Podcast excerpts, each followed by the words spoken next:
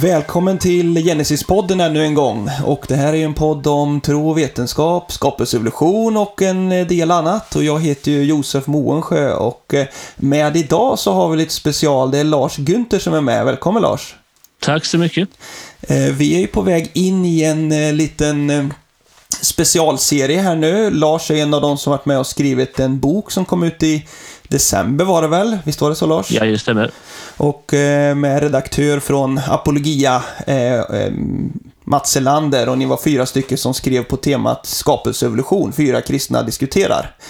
Yeah. Och där är du med och förespråkar en teistisk evolution, säger man väl då. Och jag som Genesis aktiv har ju inte alls samma åsikt, men vi tycker att det vore spännande att föra lite fortsatt diskussion kring de här ämnena och, och därför är målet att eh, ta upp detta i våran podcast här då. Och eh, för er bara som lyssnar så vill vi bara nämna lite om upplägget då. Tanken är att, att Lars här i ett första avsnitt ska få eh, uttala sig och ge lite klargöranden och jag kommer försöka ställa lite frågor. Jag är inte debattmotståndaren här alltså, utan jag ska försöka att, att moderera ett avsnitt och sen så kommer vi ha en respons från Genesis håll i eh, nästkommande avsnitt sen och så får vi se lite hur det går vidare. Men detta blir en liten uppstart i alla fall, så jag tror att det kan bli väldigt intressant och eh, att det finns flera som tycker det är spännande att få lyssna på detta.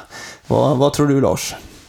Ja, jag är medveten om att jag stoppar huvudet i lejonets kula just nu, men eh, ja, det, intressant ska det nog bli. Precis, målet är ju, vi vill hålla en, en god ton på detta även om, eh, även om vi har eh, ja, rakt av eh, olika åsikt i frågan då, mm. så är det ändå så att eh, Eh, god diskussion och, och, och eh, argument som får eh, slåss mot varandra, eller vad vi ska säga då. Det, det tycker jag är spännande. Eh, och eh, vi ska ju ge oss in i detta givetvis. Jag ska presentera dig också. Du är ju, är ju pastor i Hästra. Eh, du är eh, sedan några år tillbaka utbildad i, i teologi, du har en teolkand, bloggar, har varit med och skrivit den här boken. Du har skrivit fler böcker innan. Ja, fast i webbteknik. I webbteknik, just det. Precis, så inte inom... IT-pastorn är ju mitt smeknamn på i världen, så att eh, PHP, HTML, CSS och JavaScript och sånt har jag ägnat mig en hel del åt. Det är egentligen det som är sen tidigare då, eh, specialgrejerna. Eh, vad, vad heter din hemsida för den som vill gå in och läsa? Den heter rätt och slätt itpastorn.nu. Det är liksom adressen till den. Just det.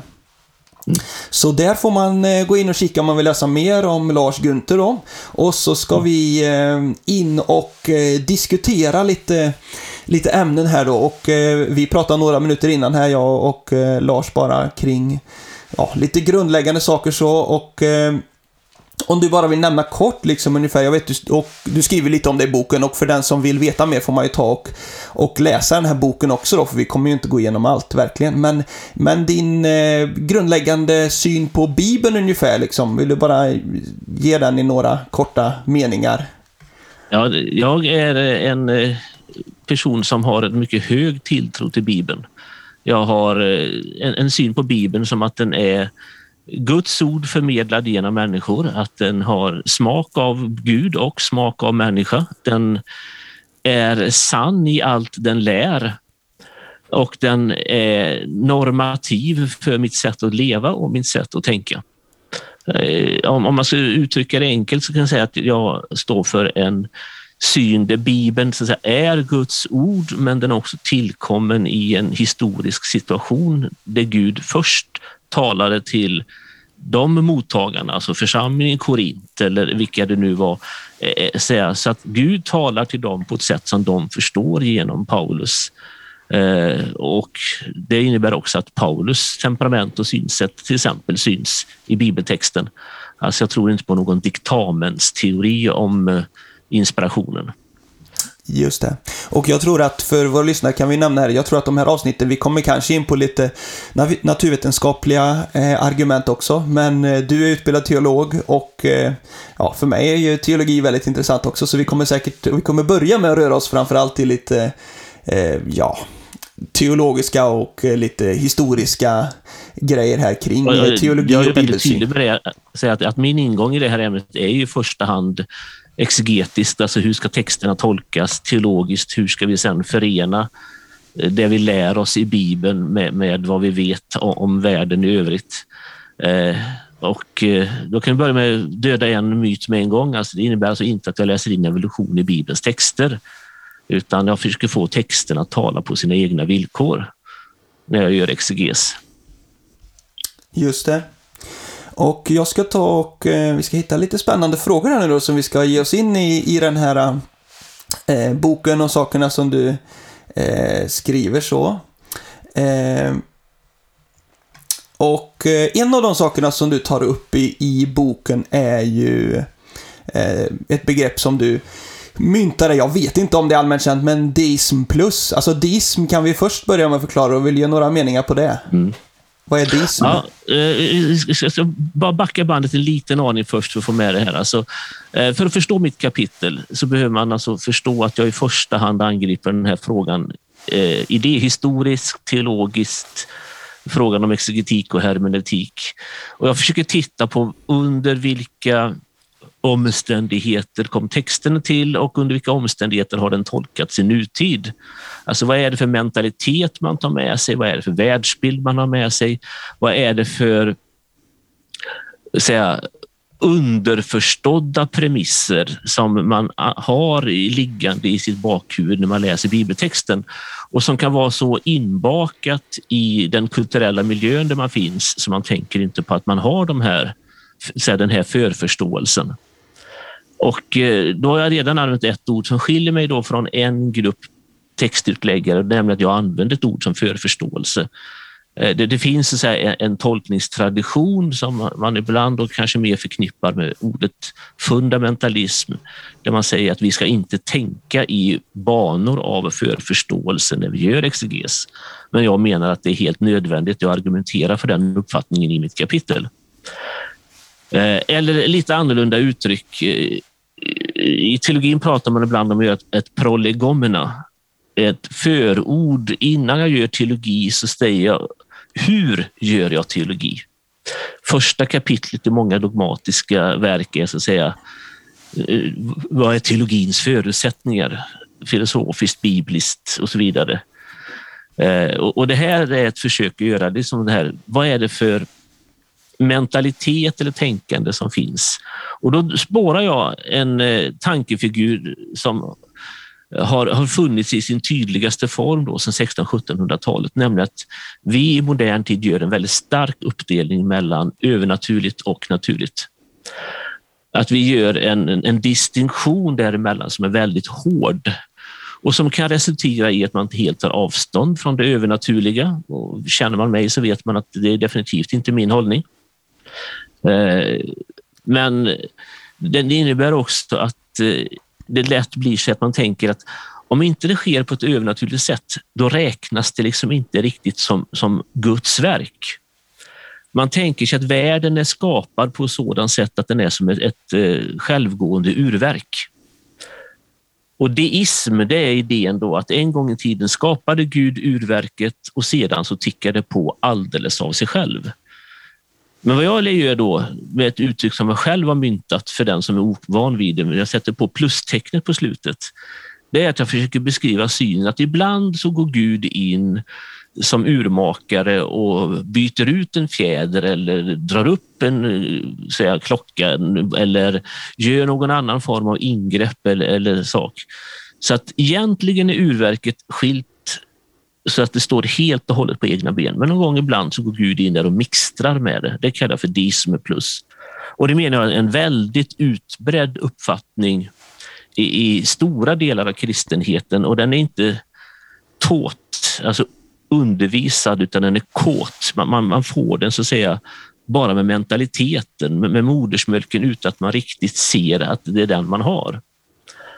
Och den tror jag spelar stor roll för den innebär att när vi tittar på skapelsetexter och ser att Gud har skapat så blir det så viktigt på ett annat sätt att det ska ske på ett övernaturligt sätt, för annars räknas det inte riktigt. Just det, och, och jag vet ju i ditt kapitel då att du, eller för du vill ju peka på att det här påverkar våran eh, syn då, och kanske framförallt då gentemot en sån som mig som tänker att, eh, ja, som, som inte är kritisk till evolutionen och sådär då, att det finns ett kan finnas ett problem liksom bland eh, evolutionskritiska kristna i eh, ja, kring detta liksom. Och att det finns ett deism plus-tänkande ungefär. Eller vad, vad hur, ja, hur hänger och, det ihop då? Eller vad är det för Och, och då tänker jag återigen, det, är en väldigt viktig distinktion att göra nu. Det är mellan den enskilda individen och eh, den kulturella miljön. Jag menar att det här deism plus-tänkandet, det är så att säga någonting som vuxit fram som en idéhistorisk kulturell föreställelse, alltså företeelse. Eh, det är liksom inte meningen att jag vill gå in och peta på dig Josef eller på någon annan enskild individ och säga att du är deismplussare. Eh, utan jag försöker säga att du, du är en del av en kulturell miljö som Eh, Eh, har präglat hur en hållning växte fram, nämligen i det här specifika fallet då kreationismen. Eh, alltså varför blev designargument otroligt viktiga på 1700-talet på ett sätt som de inte har varit tidigare i kyrkohistorien? Eh, designargumenten med William Paleys så klock, så liknelse som de här kända så exemplet, de växer fram och blir superviktiga i en specifik historisk kontext på ett sätt som en medeltida teolog aldrig ens hade liksom kunnat föreställa sig. Eller kyrkofäderna för den delen. Och, det beror på ett specifikt kulturellt tryck och som då blir ett tänkande och hur man inom det tänkandet ändå försöker hitta en väg att, att fortfarande hävda att Gud existerar, att Bibeln är sann och så vidare. Eh, men om jag bara slänger in någon eh, fråga här och så här. Alltså, ja.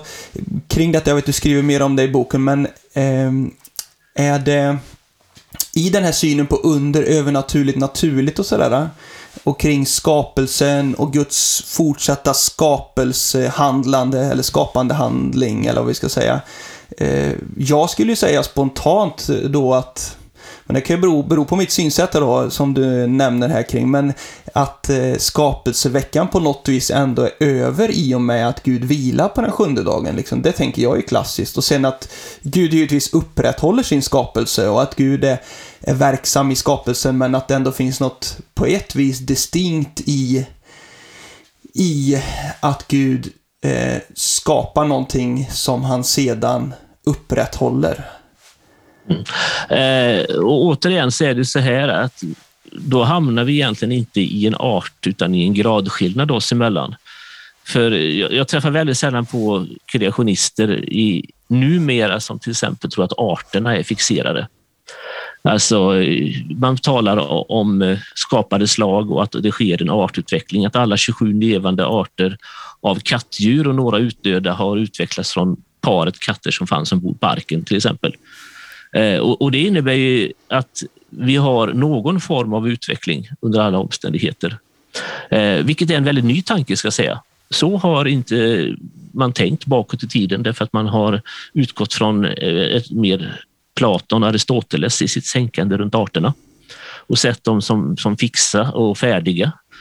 Eh, och man har tvingats till en omtolkning tack vare att man inte får plats med alla djur ombord på arken annars.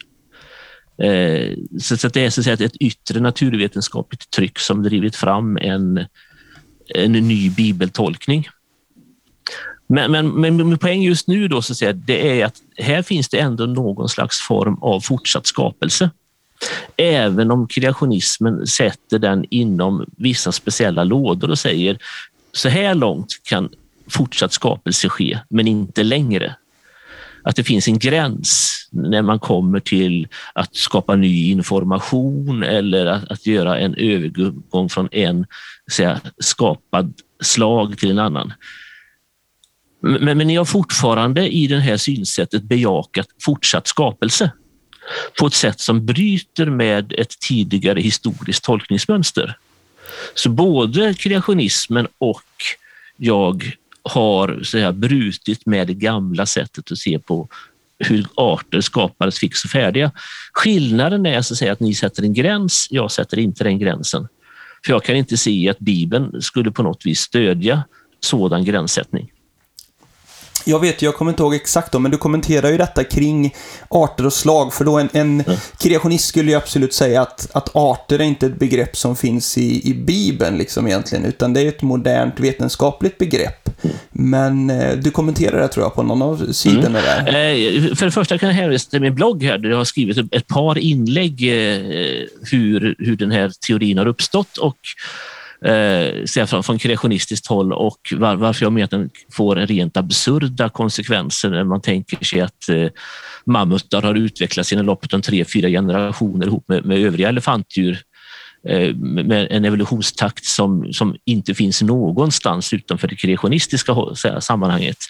För att kunna bevara tron på att evolution inte sker så måste man tro på en hyperevolution på ett sätt som blir väldigt konstigt rent naturvetenskapligt kan man säga. Söker man på, så, söker man på mammutar på din sök hemsida? Sök på mammut på min blogg precis så kommer du hitta säga, den artikeln. Men eh, säga, po poängen är just att, att Bibeln talar överhuvudtaget inte alls i de här naturvetenskapliga termerna. Alltså när jag tar ordet min på hebreiska som då översätts med slag eller art eller sort eller kind på engelska brukar vara det ordet som dyker upp då i, i diskussionen så är inte det ett ord som överhuvudtaget är avsett i Bibeln att göra någon form av biologisk klassifikation. Alltså när jag tar det ordet och gör en biologisk klassifikation av någonting som egentligen är en funktionell klassifikation. Alltså låt oss ta det här till exempel att i Bibeln så buntar man ihop fladdermöss och fåglar. Därför att de finns i samma nisch. De, de, de säga, båda flyger. I Bibeln så buntar du ihop alla boskapsdjur till en klass. Möjligen då i, i det första Moseboks första kapitel. Men boskapsdjur, menar, på den tiden kanske det bara fanns något som liknade kor i någon slags mening. Men, men boskap är ju så mycket mer, så att säga. en gris är boskap.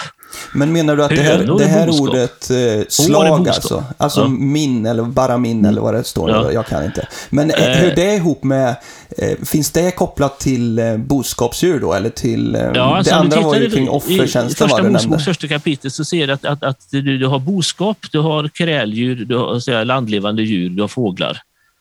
Eh, alltså boskap står som en egen kategori. Och, och, och det menar det tyder väldigt tydligt på att, att det här är någonting som handlar om vad de här djuren har för funktion, vilken nisch de finns i.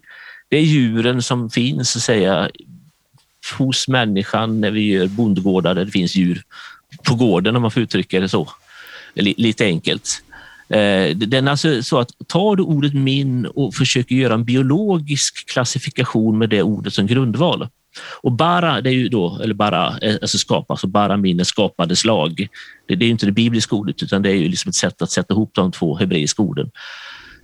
Eh, så, så, har du använt bibeltexten till någonting som bibeltexten inte är skriven för. Eh, och, och det är problemet. Du, du redan när du säga, använder ordet på det här sättet så har du börjat använda texten till någonting den inte är avsedd för. Men skulle du göra det så får du också titta på hur ordet min används i tredje Mosebok och femte Mosebok där det återkommer. Där det till exempel står så att falkar finns av flera olika slag. Alltså det är inte så att falkarna utgör ett slag utan falkar delas upp i olika slag. Eh, och då skulle man kunna säga visst, vi kan utgå från att falkfåglar är en, en familj i vanlig gängse biologisk klassifikation som kan delas upp i släkten. Eh, så varje släkte då skulle vara det som Mose tänker på eh, säga, i, i det här fallet. Men det, det blir en extremt krystad bibelläsning om man, om man läser på det viset. Speciellt eftersom tendensen i nutida kreationism är att de skapade slagen blir mer och mer övergripande. Att man plockar in väldigt många släkten i ett skapat slag enligt kreationismens eget sätt att uttrycka det.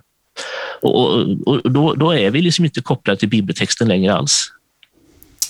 Intressant. Vi får se vad det blir för kommentarer tillbaka på detta. Det kanske du redan Ja. vet. Jag är inte insatt i alla frågor. Men eh, vi ska gå vidare och prata lite om eh, positivistisk bibelsyn. Det hänger ju kanske ihop lite med detta Mm. också. Men Mm. eh, förklara lite vad det innebär och vad det är för begrepp. Ja, då, då gör vi genast en snabb distinktion mellan bibelsyn och tolkning. Alltså bibelsyn är någonting som kan inkludera tolkning, men- men när jag pratar om positivismen så är jag tillbaka på det jag var i början, nämligen att en, en mentalitet kryper in i vårt sätt att, att läsa texter som är färgade av omvärlden. Och då menar inte jag att folk i sina missionshus på Närkeslätten på 1800-talet satt och läste Auguste Comte, som är det stora namnet inom positivismen och tänkte jaha, så här ska vi läsa våra bibel enligt hans principer. Men positivismen har så att säga från komt på 1800-talets första halva och framåt blivit en slags standardläge för hur vi tolkar historiskt berättande text. Och det vi tänker oss att finns det en detalj i texten så ska den detaljen stå i en direkt relation till en historisk detalj. Vi tänker oss att om man redogör för ett skeende så ska det vara kronologiskt korrekt. Alltså kronologin har eh, säga en högsta prioritet när vi återberättar ett skeende från 1800-talet och framåt. Eh, men, men backar man i tiden och tittar på andra kulturer så är det inte alls säkert att eh, kronologin är det som man utgår från i första hand. Alltså, och det har liksom sipprat ner in i oss så det sitter som ryggmärgsreflexer. Det är det som är min poäng. Och då tänker jag att de flesta texter givetvis i Bibeln skulle vi säkert vara överens om att de har en kronologisk ordning. Men det är klart att eh, evangelierna till exempel, alla evangelier är väl inte skrivna i samma kronologisk ordning. Det kan väl vara ett exempel på det du pratar om va? Och, Det är även, ett alldeles utmärkt exempel, ja. och skapelsedagarna kanske också är något som du eh, tänker på här då, när du pratar om detta, eller jag vet inte. Ja, alltså, min, min syn på skapelsedagarna det är ju att de överhuvudtaget inte anger en, en kronologi. Alltså att, att eh, skapelsedagarna är ett litterärt verktyg som författaren använder för att göra en annan typ av poänger. Eh, och, och att det är svårt för oss att ta till sig en sådan tanke därför att kronologiska resonemang är så att säga någonting som sitter i vår ryggmärg. Vi har det som en reflexmässig rörelse som drar oss dit. Eh, så rent känslomässigt så känns det självklart att läsa den här texten. Ja, men det står första, andra dagen och så vidare. Men eh, vi behöver därför göra ett, ett jobb att sätta oss in i, återigen här kommer ordet, förförståelse. Förförståelsen som troligen fanns hos de första mottagarna. Eh, och det kommer en liten annan sak då. Alltså, är det så att man kräver av en bibelläsning att man ska nå fram till en hundraprocentig säkerhet? Eller nöjer vi oss med att vi har en, en trolig bild? Och många gånger när vi tolkar Bibeln så får vi faktiskt nöja oss med det troliga eller det sannolika. Eh, och, och, och det kan vi så att säga, för det mesta leva med. Men om man talar om en viss mentalitet som finns i somlig bibelläsning så är det att man måste komma fram till en hundraprocentigt fastställd tolkning. Annars kan vi inte leva med den. Och Den mentaliteten tror jag kan vara ganska så farlig i längden. Nu vet jag inte om Eh. jag missuppfattar det, men tänker du att, att eh, bibeltexten egentligen så uttrycker den sanningen fullt ut, eller vad jag ska säga, men det är svårt för oss att få tag i den? Jag kan inte till fullo förstå hur de första mottagarna har tänkt i alla, alla stycken. Jag kan inte helt och hållet kliva in i deras förförståelse och det lämnar ett visst utrymme för osäkerhet. Eh, men eh, jag kan ändå förstå något av det. Och, för den här aktuella diskussionen så räcker det egentligen att veta att den texten är inte gjord för att uttrycka naturvetenskapliga sanningar på det sättet som vi idag tänker oss naturvetenskap. Texten har så att säga, ett annat ärende. Sen kan vi ställa frågan, vad är då detta ärende? Men, men, men, men den frågan är en tilläggsfråga som faktiskt inte berör evolutionsskapelsedebatten. Därför att för den debatten så räcker det att inse att textens ärende är att ge oss någon annan typ av sanningar eller något annat område för där sanningar finns. Men det innebär inte att det är inte sant. Det är i allra högsta grad sant, det som texten vill lära oss. Men, men osäkerheten som sagt, den finns då i eh, min förmåga att nå fram till, till liksom en helt klarlagd tolkning. Men så är det ju. Petrus skriver att det är somliga saker som Paulus har sagt som är svåra att förstå. Så att eh, även Bibeln säger att vissa bitar av Bibeln är svåra att förstå. Det kan vara lite tröst ibland för teologistudenter. Precis. Om vi, om vi kliver vidare från detta du säger här då och liksom eh, konkret kanske hoppar på lite olika texter här då som, eh, som finns i, i första Moseboks början. Jag vet du skriver i ditt kapitel att du inte har landat helt i, i hur du ser på alltså, olika vad säger vi, eh, genrer och sådär liksom på Bibelns texter och så här. För det är ju, och det är ju också någonting, jag tror du nämner lite om det, att, att kanske att det har funnits en tendens inom ja, inom våran eh, del av kristenheten, eller vad vi ska säga, att man har haft en lite för förenklad syn på Bibeln. Och det kanske hänger ihop med detta med en positivistisk bibelsyn, eller jag kommer inte ihåg hur du skriver, alltså med genrer och sådär, att vi kanske inte har sett att, att Bibeln faktiskt talar på olika olika sätt. Poesi liksom är ju inte likadant som historisk eh, berättande eller eh, ordspråk och så vidare. Mm. Ja, det, det, är så att säga, en första nivå på det här. Sen ska vi veta att, att poesi mycket väl kan vara historia. Alltså, ta exemplet svensk historia, vi har vi Erikskrönikan som berättar om, om erikarna, som de flesta numera kanske bara känner genom Jan Guillous verk. Men eh, Eh, alltså, vi, har en hel kungaätt i Sverige som låter göra sin historieskrivning som rimpros, eh, poesi, inte prosa. Eh, så, så att ett poetiskt formspråk kan mycket väl ha ett historiskt innehåll. Och på samma sätt kan prosa som formspråk ha annat än historiskt innehåll eller så kan den så att säga, använda sig av ett lager av bilder som i sin tur talar om en historisk verklighet. Och det är där jag landar. Jag menar alltså att när, vi läser i tredje kapitlet, som är kanske lite lättare att ta som exempel, att Herren Gud vandrade i lustgården, så tror inte jag att Gud är en gestalt som har kropp och som går på två ben. Eh, säga. Eh, de, då kan man landa i att säga att det här är någon form av Guds eh, uppenbarelse, som är finare ord för teologistudenten i dig, en teofani. Alltså att Gud antar en sådan gestalt för att kunna kommunicera med, med människorna. Men i samma ögonblick som du säger det så har du lämnat den bokstavliga texten. I samma ögonblick som du säger att Gud kommer i, i skepnad på det sättet så läser du inte längre texten bokstavligt utan du har börjat tolka. Eh, på samma sätt så står det att ormen är ett listigt djur men i Uppenbarelseboken så talas det om att ormen är Satan. Eh, då har vi också gjort en tolkning. Alltså det verkar som Uppenbarelseboken gör en bildlig tolkning av ormen som gestalt i Första Moseboks tredje kapitel. Men återigen, det innebär inte att det inte finns en historisk bakgrund. Men exakt hur den gick till kommer vi inte åt, för det ligger bakom bilderna. Men det är fortfarande historia. Alltså det finns tre varianter på det här. Vi har så att säga den, här vad kallar för ett till ett förhållandet. En detalj i texten står i direkt koppling till en historisk detalj. Och så försöker man bevara det här ett till ett förhållandet i största möjliga grad när man läser texten. Och så kommer man till vissa ställen där det inte går, för man kan inte för sitt liv tro att det var eh, så att eh, att det skapas en kupol, ett himlavalv runt jorden till exempel. Eh, då gör man en, en billig tolkning där och, och, så lämnar man sin tolkningsprincip fast man gör det på ett godtyckligt sätt. Det är min poäng då.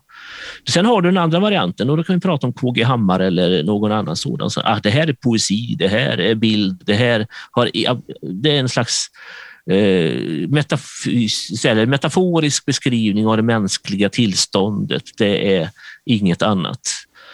Eh, men, men, men jag hamnar i den här mellanpositionen då som ibland är lite svår att ta till sig. Alltså, mytohistorisk. Alltså det är mytens berättelseform fast den handlar om en underliggande historia.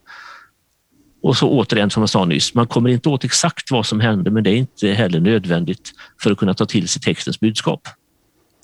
Det där är lite intressant och det är väl någonting som har vuxit inom, eh, vad ska vi säga, evangelikala led, alltså tanken på en, en mytisk form i eh, första Moseboks början där. Men alltså spontant liksom så skulle jag säga att det här med en mytisk, mytohistorisk eh, eh, bibelgenre, det är väl på ett vis ganska ifrågasatt också liksom. Det är väl inte så självklart, för det är klart, det har ju varit en av de stora stridsfrågorna mellan bibeltroende läger och eh, bibel, eller radikal bibelkritik eller vad vi ska säga. Av mm. mytologisering och annat, liksom att mytisk, mytiska tankar är någonting som hela tiden har förespråkats från Mm. Eh, jag är alltid väldigt tveksam varje gång jag använder de här tre bokstäverna MYT alltså, och, och drar in dem i diskussionen därför att de kommer med sådant bagage. Och jag är fullt medveten om att ordet myt används på väldigt många olika sätt. Eh, I vanliga fall så kan man använda ordet i en väldigt simplistisk form, alltså är det här myt eller sanning? Eh, där de står som motsatspar och, och då blir det naturligtvis helt absurt att säga att Bibeln är sann och säga att Bibeln har en mytisk, en, en, en, eh, en mytisk berättelseteknik. Eh, och, och, det vill jag väldigt gärna skicka med den så här, distinktionen då att jag använder inte ordet myt på det sättet. Utan man behöver faktiskt ägna sig åt den här klassiska teologiska verksamhet som heter exeges. Att varje gång någon använder ordet myt behöver man ställa sig frågan hur använder den här personen ordet myt? Och jag försöker vara väldigt tydlig i mitt kapitel med att jag använder inte min koppling till eh, Ancient Near East, Ane-miljön för att säga att eh, Gamla testamentets skapelsetexter är så att säga, ett blekt återsken av babyloniska skapelsemyter eller något liknande. Eh, i, i, den skola som kom på 1800-talet som man kallar för Religionsgeschichtliche, alltså religionshistorisk skola med, med Gunkel som det främsta namnet. Utan jag försöker säga att Gud har talat till människor som lever i en miljö som är snarlik den som fanns i Babylon eller Egypten och de andra länderna. Genom att studera deras texter kan vi förstå vad för slags kulturell föreställningsvärld de människorna levde i. För att på något vis börja komma åt det som vi pratade om tidigare, deras förförståelse. Och då ser vi att det finns klara skillnader på många plan mellan de bibliska texterna och Enuma Elish eller Gilgamesh-eposet eller något liknande. Men det finns också eh, ett delat språkbruk och en delad föreställningsvärld på många punkter. Jag behöver ställa någon... Då behöver vi på något vis göra en, en tolkning som tar hänsyn både till skillnaderna och till likheterna och inte göra den frågan binär. Just det. Jag behöver ställa någon lite sån här äh, klassisk äh, fråga också då. Så här. Och du, ja, klockan går och vi skulle hålla oss till viss tid. Precis, vi, vi, vi tar ja. bara det här, jag tror du går ja. snabbt på detta, men vi ska avsluta med detta då. Eh, alltså, eh, Adam då. Står du för att Adam är en historisk, verklig person i, i historien, eller vad har du för perspektiv där? Ja, jag kommer göra alla lyssnare djupt besvikna. Jag kommer säga att jag står för möjligheten att han kanske var det. Precis, så du är öppen för både och? Jag är öppen för både och. Det är en fråga jag fortfarande bearbetar. Just det. Ja, precis. Du säger här att vi, klockan är lite slagen här. Vi har kommit över 30 minuter. Mm. Men eh, yeah. eh, intressant. Hoppas att eh, du känner att du har fått redogöra dina tankar på ett eh, bra sätt, Lars. Jag är medveten om att min infallsvinkel kan kännas väldigt ny och att mina ordval kanske inte heller alltid är de enklaste att förstå. Mamma fick boken och hon sa jag begrep inte ett ord av vad du skriver. Men eh, jag, jag, hoppas ändå att jag kan skapa lite förståelse för eh, att man som bibeltroende faktiskt kan komma till en annan hållning. Och jag lyckas med det så är jag rätt nöjd faktiskt. Yes, och eh, för våra lyssnare då får vi nämna igen att detta är alltså starten på en eh, diskussionsserie eller debattserie som vi kommer ha. Eh, och vill man skicka in frågor och kommentarer eh, så kan man göra det till våran mail då, podden genesis.nu, podden med två d Så kan vi ta in lite respons där, men det kommer alltså bli ett eh, svar på detta från Genesis håll och förmodligen är det Göran Schmidt som kommer svara, som också var medförfattare i den här boken. Eh, och det kan vi ju nämna igen till slut här då att eh, man kan köpa den här boken på Apologia förlag och där heter den Fyra kristna diskuterar skapelse och eh, evolution.